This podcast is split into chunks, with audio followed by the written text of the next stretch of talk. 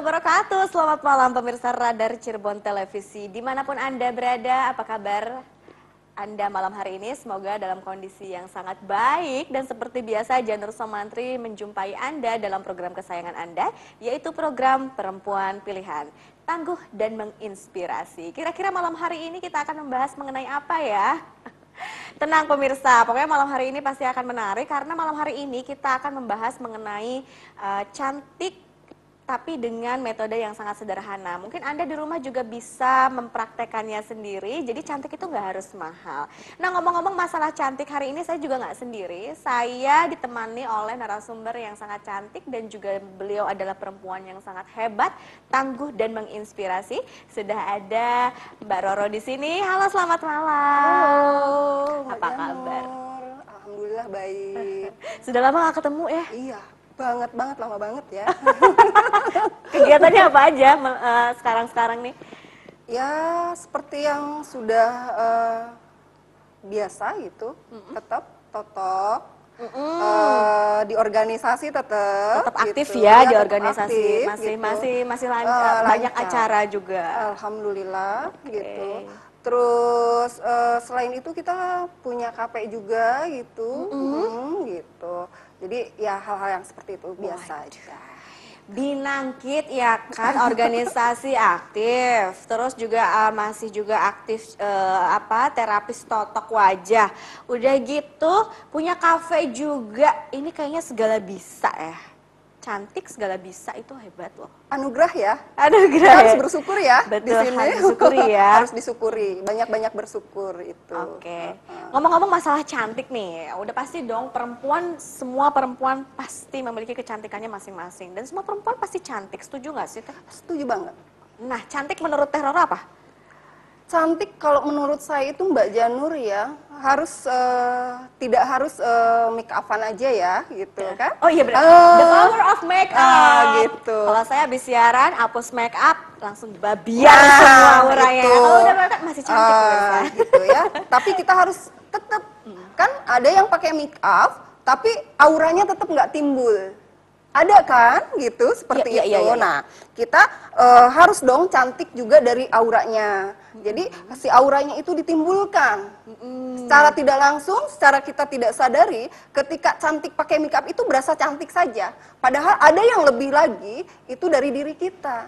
Cantik dari dalam. Oke, inner beauty Inner itu. beauty-nya itu Tapi inner beauty sama aura sama nggak sih? Ya, eh, berdampingan lah gitu. tapi hal yang berbeda. Berbeda. Kalau misalnya aura itu eh, sisi positif yang paling dalam itu dikeluarkan. Hmm. Kalau inner beauty kan bisa dengan dengan pembawaan kita yang anggun itu inner beauty-nya bisa keluarkan gitu. Oke. Heeh. Kalau yang aura dari aura itu benar-benar dari hati yang terdalam gitu.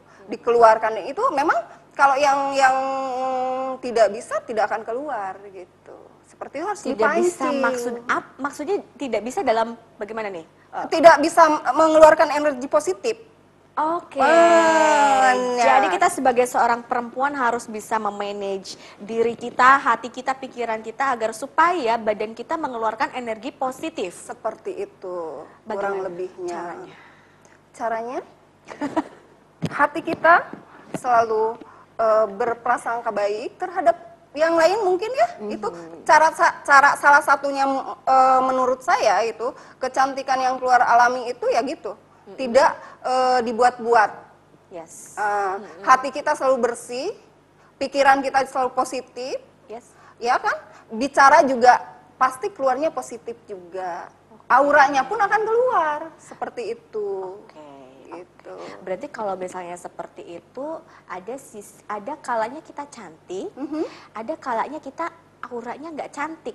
Kan? Kan kalau manusia itu termasuk perempuan ya mungkin dengan berbagai macam effort, berbagai macam beban, dia harus bekerja sebagai seorang perempuan, harus mengurus anak, mengurus suami, belum lagi permasalahan yang lain. Itu kan akan numpuk di pikiran kita. iya. Otomatis itu akan ber, ber- berpengaruh berpengaruh sekali terhadap auranya. Gitu tapi di sini aura-aura tersebut ketika manusia tersebut sudah eh, melangkahi eh, apa banyak perjalanan mungkin perjalanan eh, kehidupan gitu aura eh, level auranya itu bisa meningkat Mbak Janur seperti Oke. itu.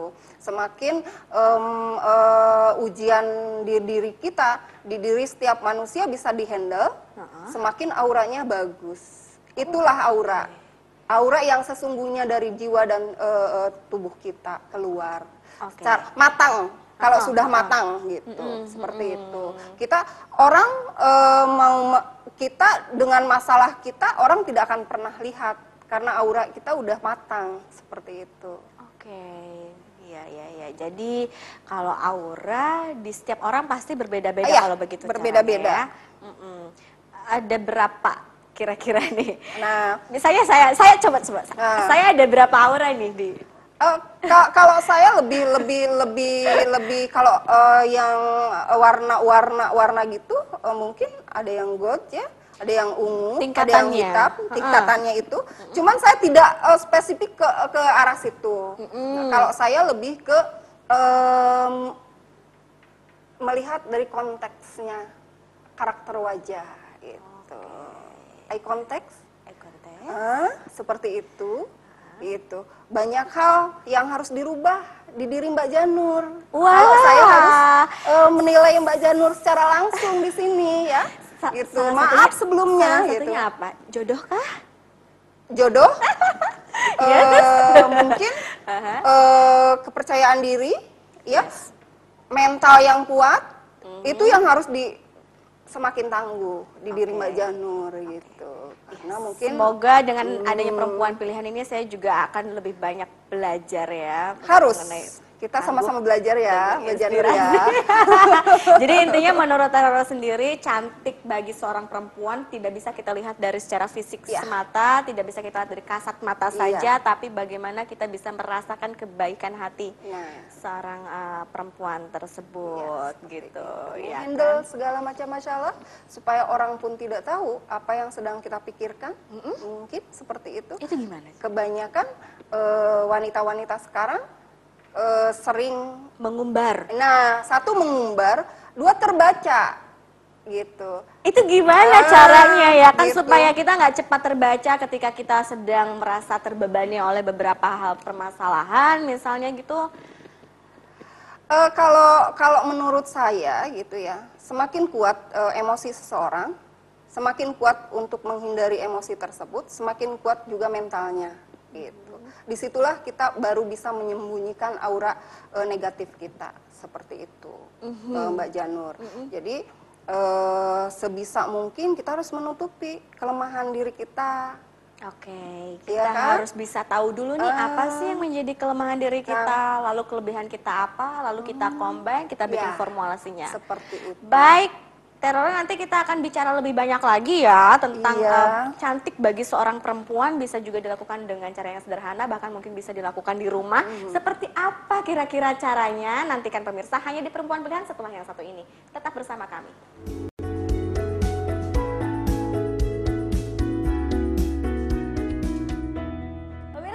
Terima kasih loh. Anda masih setia bersama kami dalam Perempuan Pilihan. Masih bersama saya Janur Somandri tentunya ditemani oleh Teh Roro di sini. Dan malam hari ini kita masih membahas mengenai seputar perempuan pilihan tangguh dan menginspirasi yaitu mengenai cantiknya seorang perempuan. Itu ternyata bisa dilakukan secara sederhana. Bahkan mungkin setiap hari kita bisa melakukannya apabila kita tahu metodenya. Tadi kita udah ngobrol-ngobrol nih cantik menurut Teh Roro tuh yang seperti apa? Tadi udah pemirsa saksikan ya. Nah sekarang Teh cantik itu kadang perempuan itu untuk bisa terlihat tampil cantik itu dia eh, berani untuk mengeluarkan biaya yang tidak sedikit bahkan perawatan, perawatan treatment itu kan biayanya sampai belasan juta dan mereka berani untuk itu. Sebetulnya apakah cantik itu perlu untuk mengeluarkan biaya sebanyak itu ya? Eh, menurut saya sih banyak yang simpel, mudah banget, terus ngena gitu kan. Hasilnya tidak jauh beda dengan yang mahal, Iya. iya kan? Gitu. Cuman mungkin eh, sekarang-sekarang itu sekarang-sekarang ini metode metode ter- tersebut itu eh, sudah mulai bukan punah ya langka seperti itu. Mm-mm. Seperti totok aura ini gitu, Mm-mm. kan? Saya selalu memberikan metode eh, totok aura pada kepada pasien saya untuk uh, apa namanya? kecantikannya itu keluar secara natural gitu seperti itu. Oke. Okay. Eh, biar orang itu tetap cantik, terlihat cantik, ter- tetap terlihat segar dan sehat. Itu baga- bagaimana sih caranya tanpa harus mengeluarkan uang budget budget banyak gitu Uh-uh. seperti itu. Karena pada dasarnya mungkin untuk terlihat tampil cantik itu kembali kepada diri, Diri kita, kita. sendiri. Mhm. Bahkan mungkin bahan-bahan alam yang ada di sekitar kita juga Iya. bisa digunakan ya Teh ya. seperti itu. Kalau Teteh sendiri nih selama ini eh, selama menguasai di bidang terapis kecantikan ya Teh ya, terutama dalam hal totok Iya. aura, itu ada nggak sih maksudnya eh, bahan-bahan yang memang dari lingkungan sekitar kita bisa digunakan Iya. untuk kecantikan kita? Iya, iya. Kalau saya eh, misalnya kayak Mbak Janur nih, ya kan? Mbak Janur kan berjerawat nih kulitnya, Iya, ya hmm. kan? Kalau saya lebih ke ngasih tahu, ketika memang sudah ditotok aura karena aliran darahnya udah lancar seperti itu, bisa dengan eh, cara eh, apa namanya yang sederhana banget di dapur. Kita ada garam, ibu-ibu itu garam itu amat sangat bagus. Oh iya? Eh, mematikan kuman, kuman jerawat itu di- di- dimatikan oleh eh, si garam tersebut. Teh Roro, setahu saya garam memang bisa digunakan tapi untuk ini ngerendam kaki ya kan Oh, oh. ibu-ibu kalau pulang kerja ya kan suka pegel-pegel terus direndam di air panas kan ada eh, kaki dimasukin ini ternyata bisa untuk itu aja itu nggak Iya, apa-apa Iya. Eh, nggak apa-apa, cuman kadarnya mungkin ya, gitu. Kadarnya dikurangin. Mungkin kalau untuk muka yang berjerawat seperti ini, seperti Mbak Janur ini, kita ambil air hangat, Ya, air hangat, satu- ya, satu wadah aja, satu mangkok mungkin gitu, satu sendok teh garam. Garam. Itu kita basuh muka kita sebelum tidur dan bangun tidur. garamnya garam apa aja boleh garam ya? apa aja Tidak boleh. garam nah itu yang sederhana banget dan tidak memerlukan eh, budget yang cukup banyak, keluar. itu fungsinya gitu. apa sih kalau garam itu mbak Eh, fungsinya itu me- apa namanya mematikan Kuman-kuman. kuman-kuman, Oh, ya, bakteri, dibahas. kan? Uh-uh, uh-uh. Ya kan? Oh, Seperti iya. itu. Iya. eh, terus eh, garam itu eh, ada zat yang bisa eh, menumbuhkan apa Sel kulit sel baru. kulit baru seperti Uh-uh. itu. Oh, Jadi begitu banyak ya. banyak banyak banyak manfaatnya lah garam gitu seperti itu. Jadi mungkin kalau mulai sekarang ya ibu-ibu daripada bingung saya mau perawatan ke mana, mengeluarkan kocek yang enggak sedikit cukup ke dapur aja ada aja. garam di situ. Hmm. Basuh pokoknya Ah, pakai garam ya gitu. untuk uh, uh, Nah, ada lagi apa tuh? eh, ada komedo, ketika memang berkomedo itu kan jerawat komedo Oh iya, itu. komedo kan suka ada di apa? Ambil ada ibu-ibu nggak usah susah-susah, kita punya odol. Odol pasta gigi. Pasta gigi, apa pun itu mereknya gitu ya, Heeh. brandnya. Kita ambil sedikit saja gitu.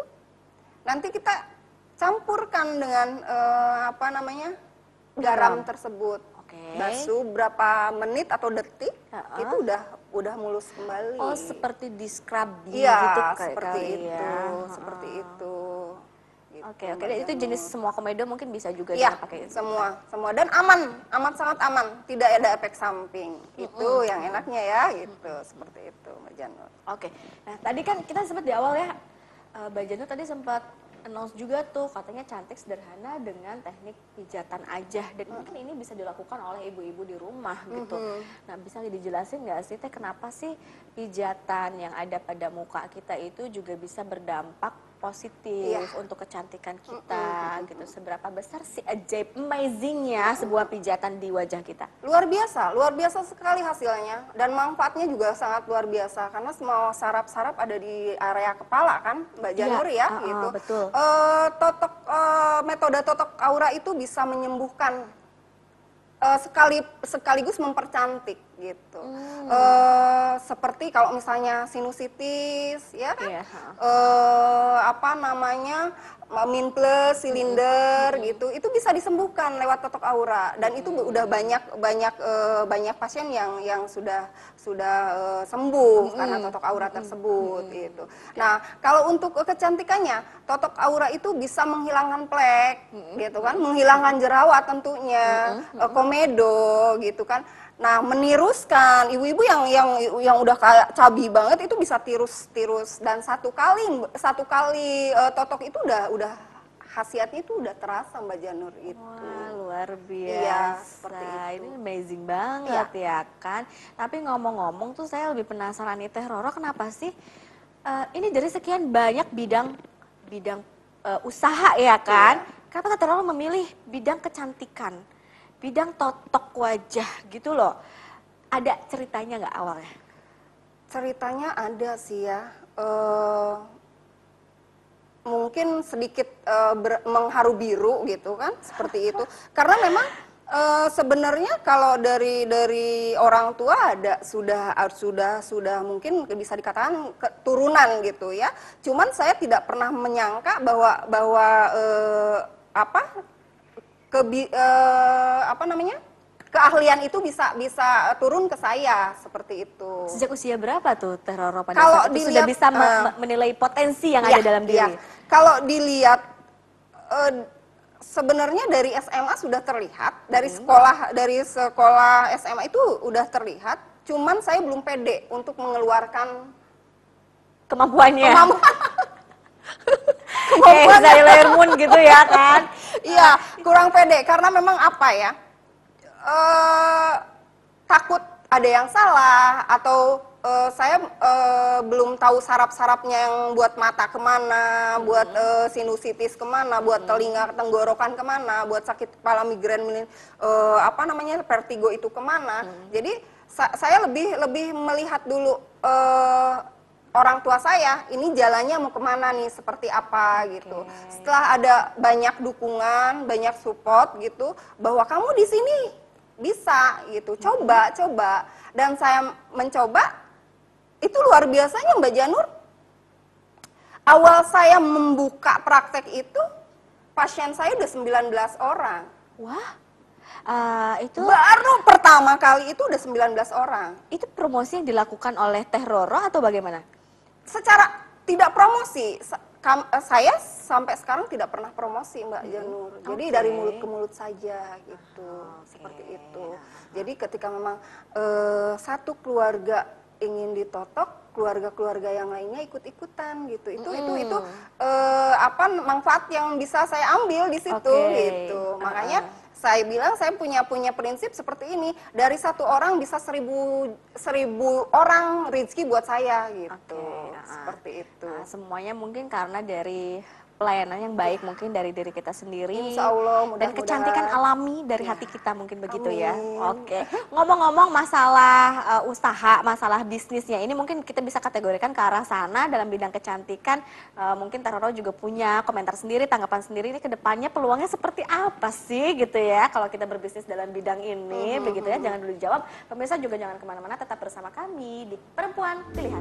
Saat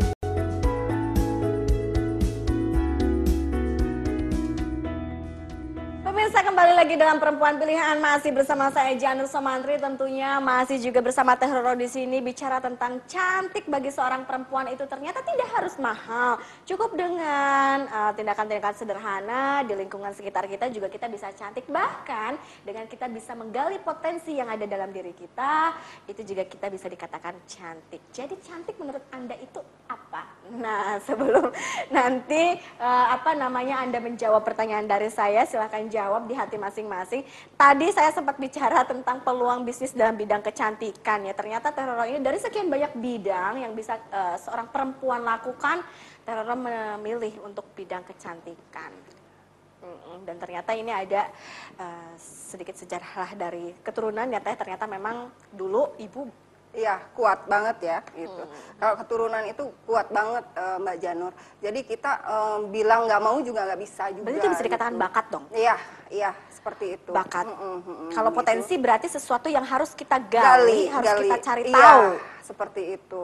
Jadi eh, karena memang mungkin itu anugerah loh ya Mbak Yanur ya. Tidak setiap manusia itu dikasih seperti itu dan gampang gitu kan. Kita tinggal mengolahnya loh gitu kan. Nggak perlu susah, tinggal yuk dibangun diri kita supaya lebih baik, lebih maju metodenya gitu seperti itu. Dan alhamdulillah saya bisa gitu kan eh, seperti itu. Dan eh, alhamdulillah eh, semua pasien-pasien itu amat sangat eh, apa namanya puas terhadap eh, apa yang saya kerjakan seperti itu Mbak Janur gitu. Oke, kalau kita ngelihat sekarang kan teh banyak juga ya eh, bisnis-bisnis kecantikan, entah itu dia ngevlog, entah itu dia sebagai makeup artist, atau mungkin seperti yang seperti di bidang teteh tuh lebih kepada eh, apa cantik dan kesehatan gitu ya. Ini memang peluang bisnis ke depannya kalau dalam bidang ini seperti apa? Teh totok gitu loh Ah, maksudnya. Apakah itu bisa hanya orang-orang tertentu yang bisa atau ini bisa dilatih juga gitu? Sebenarnya bisa dilatih, cuman saya belum berani untuk eh, mengeksplor ke yang lain karena eh, metode ini totok aura ini juga tidak hanya sembarang eh, totok aura gitu kan, seperti itu. Kalau boleh saya mengatakan ini juga ada sisi spiritualnya Mbak Janur ya. Oh, gitu? Iya seperti itu. Karena kita juga di sini totok aura tidak flat hanya totok aura, tapi di sini juga ada totok kinasi, totok asihan, Oh. totok payudara juga, totok mispi juga gitu. Banyak Mbak Janur di situ. Totok anti miskin ada nggak sih? Gimana ya Mbak Janur ya? Ah, totok anti galau, totok Iya. anti gamang gitu. Iya. Nggak, nggak sedikit. Tentunya nih, eh, dari tahun berapa teh eh, mem- mendalami bidang ini? Dari 2009 berarti. Berarti udah 10 tahun lah kurang Ah, lebih ya iya, teh ya. Tentunya itu. dari perjalanan kehidupan teteh 10 tahun ada di bidang ini. Teteh banyak ketemu orang, banyak ketemu pelanggan. ada pengalaman yang tidak bisa dilupakan selama 10 tahun itu yang sampai saat ini masih menjadi eh, tetap tertanam di di hati saya Yes, itu ketika memang seorang jenderal gitu memanggil saya untuk ke rumahnya. Aha. Eh, eh, dengan ajudannya yang begitu banyak eh, saya eh, diundang ke rumah beliau gitu. Itu yang yang tidak bisa saya lupakan itu di situ. Eh, beliau amat sangat wah saya nggak nggak nggak nggak pernah bermimpi kalau ada seorang jenderal bisa bisa eh, meminta saya untuk totok aura tersebut gitu. Beliau kebetulan sakit eh, stroke ringan, stroke ringan. Jadi tangan yang kanan itu sebelah eh, seperti kesemutan aja Mbak Janur. Eh, beliau itu eh, sebulan sekali itu ke Elizabeth Hospital yang di Oh, Singapura itu, iya. Tapi tidak ada perubahan gitu. Saya dijemput dari sini eh, jam 7 malam, datang ke sana jam 2. Di sana langsung disuruh mengobati beliau, disuruh totok, lalu saya lakukan. Sesudah saya lakukan, saya pulang lagi nih Mbak Yanur ke rumah temen yang di Depok. Nah, pagi-pagi beliau sudah menelpon saya bahwa tangan saya sudah bisa diangkat, kata beliau. Eh, eh, jadi dia ketika eh, apa namanya tah- eh, a- eh, Allahu Akbar eh, Sholat, sholat gitu uh-huh. diangkat udah bisa. Eh, Roro di mana? Katanya gitu. Masih di Depok saya gitu. Eh, jangan dulu pulang. Saya minta totok lagi itu seperti itu. Eh, jadi eh, mohon Mbak Roro ke sini dulu sebelum pulang. Jadi saya lakukan laksana gitu ditotok lagi. Beliau bilang 20% lagi Ah. saya sembuh katanya Oke. gitu. Nah itu yang tidak bisa saya lupakan itu. Nah sampai akhirnya beliau menawarkan untuk kerjasama Hmm. di sana dengan pasien-pasien yang luar biasa, orang-orang yang wah gitu. Hmm. Cuman saya nggak nerima, tidak diterima oleh saya. Kenapa? Gitu. Justru mungkin bagi sebagian orang entah itu uh, perempuan atau laki-laki yang memang dia berbisnis itu adalah kesempatan yang sangat besar karena itu Betul, adalah betul peluang sekali. untuk meraup uh, apa income yang cukup Iya, besar sekali. begitu. Kenapa Mbak Roro menolak? Ada mungkin ada panggilan jiwa ya. Saya harus eh, diam di tempat atau seperti apa gitu. Entahlah. Karena saya menolak ini bukan lagi bukan lagi cerita gitu. Ini benar-benar terjadi gitu. Eh, saya mengatakan tidak. Saya suka sudah suka amat sangat eh, suka di eh, desa saya. Saya sudah mencintai eh, kampung saya. Jadi saya kalau misalnya diam di kota besar, saya nggak bisa gitu. Seperti itu Mbak Janur. Penolakan saya seperti itu memang dari dalam diri dalam diri saya itu karena saya memang tidak betah di daerah-daerah ramai tersebut gitu.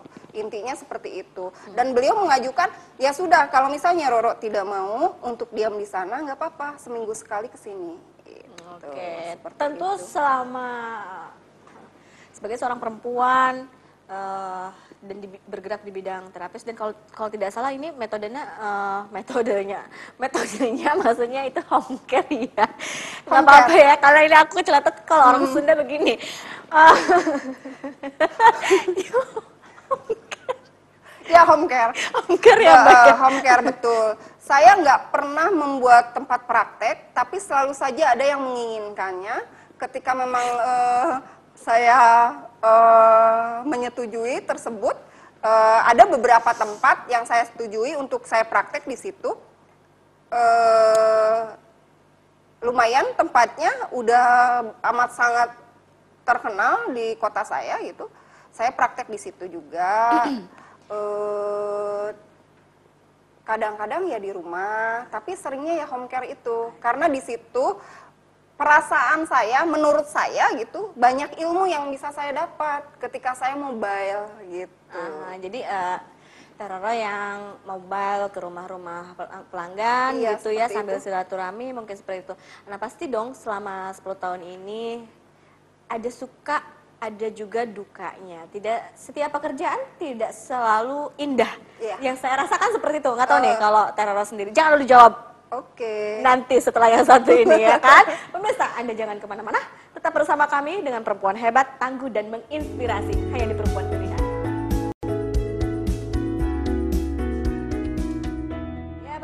Selamat bergabung kembali dalam program Perempuan Pilihan. Masih bersama perempuan tangguh dan menginspirasi. Ada Teh Roro di sini membahas mengenai cantik itu sederhana. Ya kan? Dengan metode apa pun, dengan bahan-bahan apa herbal, ya bahan-bahan sederhana kita bisa tetap cantik karena cantik itu tidak hanya saja dilihat dari sisi fisik saja. Nah tadi bicara tentang pekerjaan, setiap pekerjaan punya yang namanya resiko.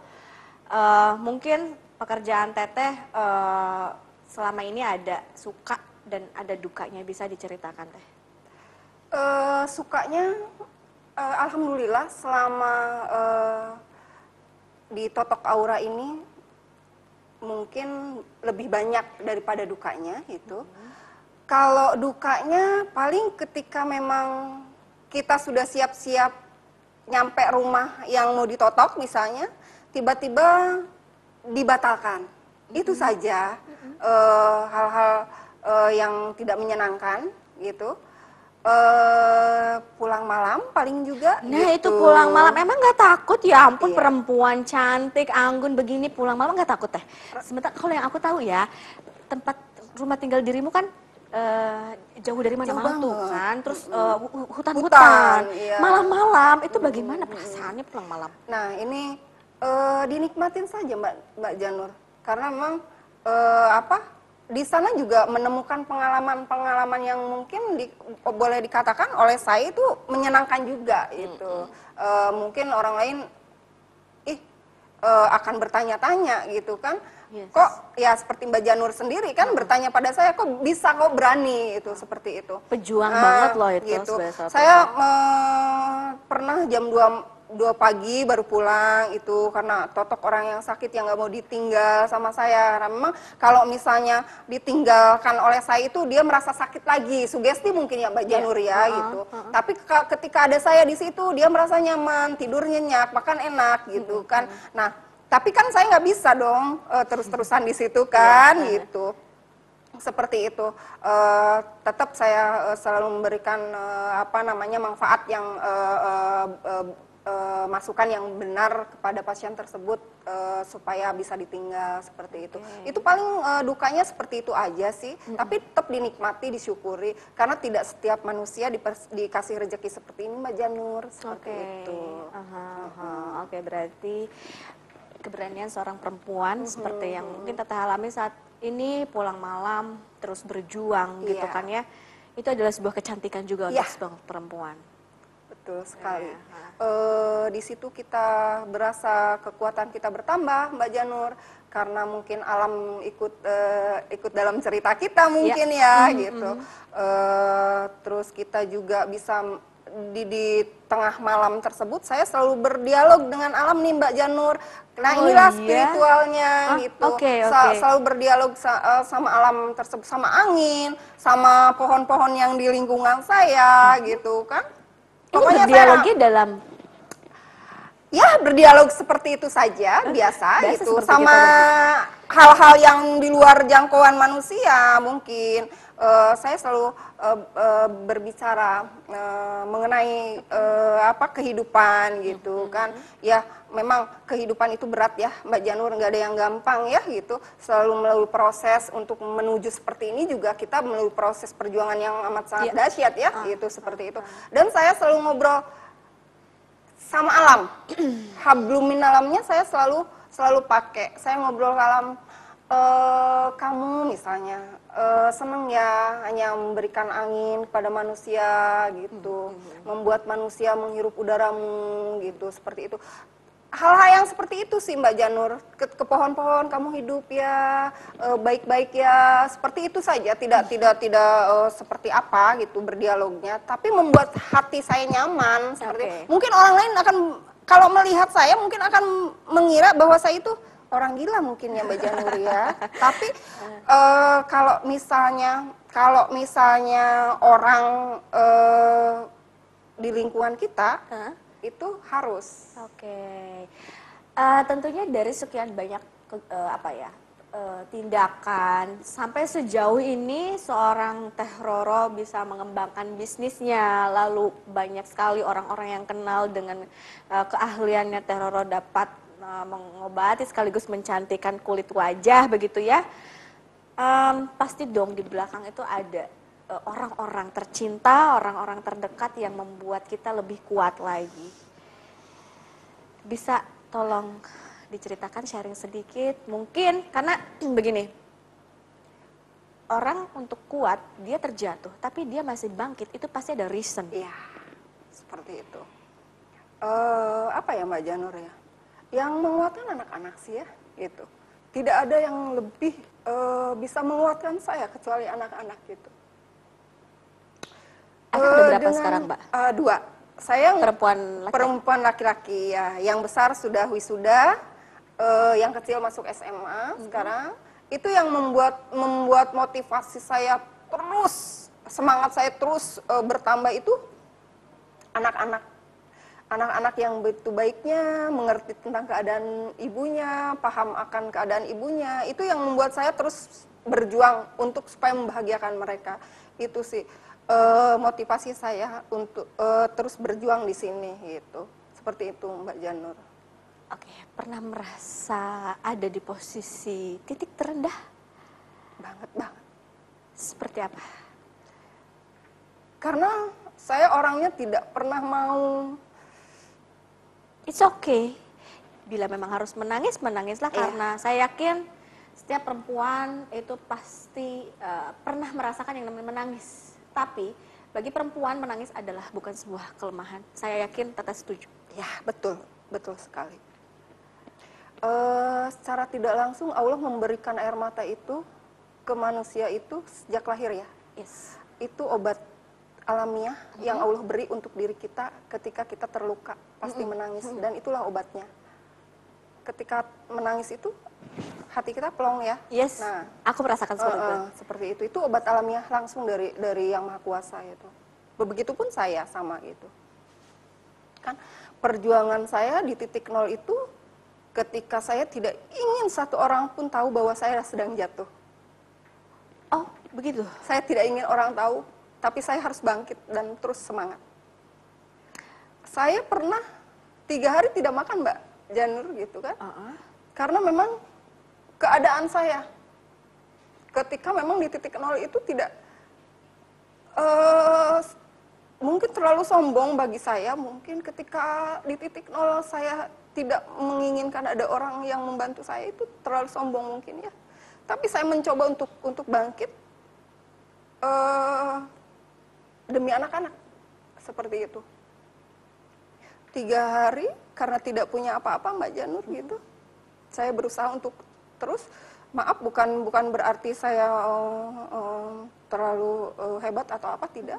Di sini memang saya terus-terusan puasa gitu kan. Saya tidak ingin orang yang tahu bahwa saya sedang dalam duka atau eh, eh, lemah dalam keadaan lemah. Saya harus tetap memperlihatkan pada orang lain bahwa saya itu kuat seperti itu Mbak Janur. Saya pernah pernah pernah di titik nol banget banget gitu. Oke. Seperti itu Da- dan mungkin eh, apa ya maksudnya bukan pengendalian diri ya. Kalau seperti itu adalah eh, apa namanya cara kita bertahan. Mungkin setiap orang berbeda-beda. Cuman pada dasarnya bia- biasanya manusiawi ketika kita pada saat di titik terendah terus pada saat kita jatuh tuh kita mengharapkan ada orang yang bisa kita jadi tempat untuk bercerita gitu kan ya.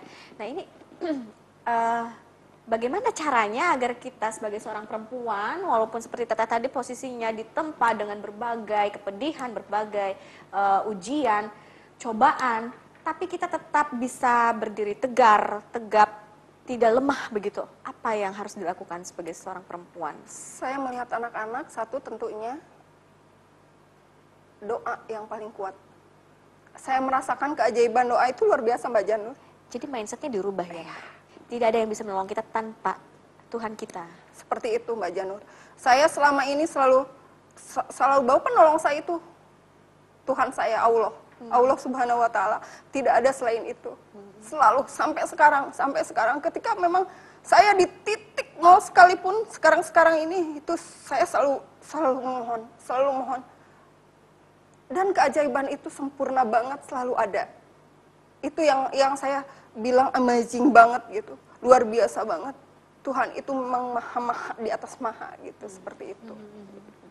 Itu eh, saya alami bertahun-tahun ya Mbak Janur eh, karena memang mungkin proses gitu tempaan mental saya supaya kuat gitu. Dan alhamdulillah inilah saya sekarang seperti itu. Oke, menjadi eh, seorang Roro yang kuat, tangguh dan menginspirasi yang pada akhirnya bisa mandiri secara finansial Amin, dengan amin. sukses menggali potensi yang ada dalam diri dan juga keyakinan yang ada dalam diri. Seperti itu. Baik. Nanti kita akan lanjutkan lagi perbincangan. Mohon maaf apabila saya sedikit mengobrak-ngabrik emosinya Mbak Roro. Tapi itulah uh, nilai-nilai yang memang akan menjadi pelajaran kita semua sebagai seorang perempuan. Uh, kita bukan makhluk yang lemah, justru kita adalah makhluk yang sangat kuat yang diberikan anugerah oleh Tuhan di mana kita bisa bangkit lagi pada saat kita terpuruk, kita bisa tersenyum pada saat kita bersedih. Itulah luar biasanya perempuan. Sesaat lagi tetap di Perempuan Pilihan. Ya pemirsa kita sudah berada di segmen akhir perempuan pilihan masih bersama wanita tangguh dan menginspirasi ada Teh Roro di samping saya di sini. Tadi kita sudah sama-sama menyaksikan uh, mm, uh, mendengarkan bahwa kesimpulannya adalah untuk menjadi cantik itu banyak uh, sudut yang bisa kita ambil dari kebaikan hati, dari ketangguhan kita dalam menjalani kehidupan itu adalah sebuah kecantikan yang tidak bisa kita dapatkan dari produk mahal semahal Iya. apa pun. Lalu eh, dari apalagi ya Mbak ya, dari kekuatan kita eh, untuk bisa tetap bertahan, Iya. Berjuang dan tetap berjalan dalam kerasnya kehidupan itu juga sebuah kecantikan. Iya, proses-proses yang membuat eh, kita eh, tangguh, membuat perempuan tangguh, membuat perempuan kuat, membuat pe- perempuan tegar, itu proses gitu, seperti itu. Dan proses itu membuat kita cantik loh Mbak Janur. Jangan salah, jangan salah. Semakin tempaan kita hidup, ujian kita lalui dan kita bisa melewatinya, aura kita itu semakin indah. Begitu? Seperti itu. Kalau bisa melaluinya. Kalau bisa ya. melaluinya, Gitu, kalau bisa itu. mengolah emosi Ya, yang ada. Oh. Kalau misalkan tidak bisa mengolahnya, ya tadi kembali Tetap. lagi. Aura kita terpendam. belangsatan gitu ya, babiar gitu ya bahasanya ya Mbak ya. Jadi kita itu harus bisa mengolah uh, emosi kita, memanage emosi. Uh, ada tips dan triknya nggak sih untuk bagaimana kita agar bisa mengolah emosi kita dengan berbagai beban kehidupan sebagai seorang perempuan tentunya agar aura kita tuh lebih terjaga dan tetap terlihat segar. Ada tips dan triknya nggak? Eh, kalau aku pribadi lebih ke spiritual ya Mbak ya gitu. Kembali lagi ke kepada seperti itu. Tetap aku pakem-pakem aku selalu aku eh, apa namanya pakai gitu kan seperti itu. Seperti selalu eh, maaf puasa Oh, iya. gitu ya, seperti itu. Aku tetap menjaga hal itu eh, karena merasa ada energi yang baik yang eh, aku rasakan di di sana gitu Iya. seperti itu. Eh, apalagi dengan eh, tetap mengingat setiap di setiap saat gitu kan adanya bahwa kita harus tetap bersyukur itu itu itu tetap eh, aura kecantikan itu tetap terjaga dengan Oke. rasa syukur gitu kan seperti itu Baik. Eh, kalau saya boleh tanya, orang yang paling eh, sangat berharga dalam kehidupan selain anak tentunya ya, yang sangat berperan dalam kehidupan Teh Roro sampai sejauh ini siapa? Eh, saya berterima berterima kasih terhadap lingkungan mungkin ya Lingkungan? Iya, karena oh, untuk orang tua saya sudah sudah tidak ada mungkin Mbak Janur ya sudah tidak ada semua gitu kan. Eh, Mama eh, Api juga sudah sudah almarhum gitu. Minimalnya eh, memang ketika saya mendoakan beliau beliau tersebut gitu eh, ada aura masuk lagi tetap aura yang indah ke diri saya bahwa kekuatan itu memang ada gitu seperti itu. Nah, eh, lingkungan mungkin Mbak Janur ya menempa saya menjadi seorang yang tangguh sekarang mungkin Menjadi gitu, seperti yang itu. hebat Jadi, yang mandiri secara Ya, finansial seperti dan lain itu. sebagainya. Ada eh, pesan khusus untuk perempuan pemirsa eh, tetaplah menjadi wanita tangguh eh, di mana pun posisi eh, kita berada, karena dengan ketangguhan, dengan ketegaran, dengan kokohnya kita, air mata kita akan berbuah manis eh, menjadi sesuatu yang berharga suatu saat. Tidak hanya untuk kita, tapi generasi kita. Itu saja Mbak Jani. Baik. Teh Roro terima kasih banyak atas waktunya telah meluangkan waktu untuk berbagi pengalaman, berbagi spirit, energi positif kepada perempuan pemirsa Radar Cirebon Televisi.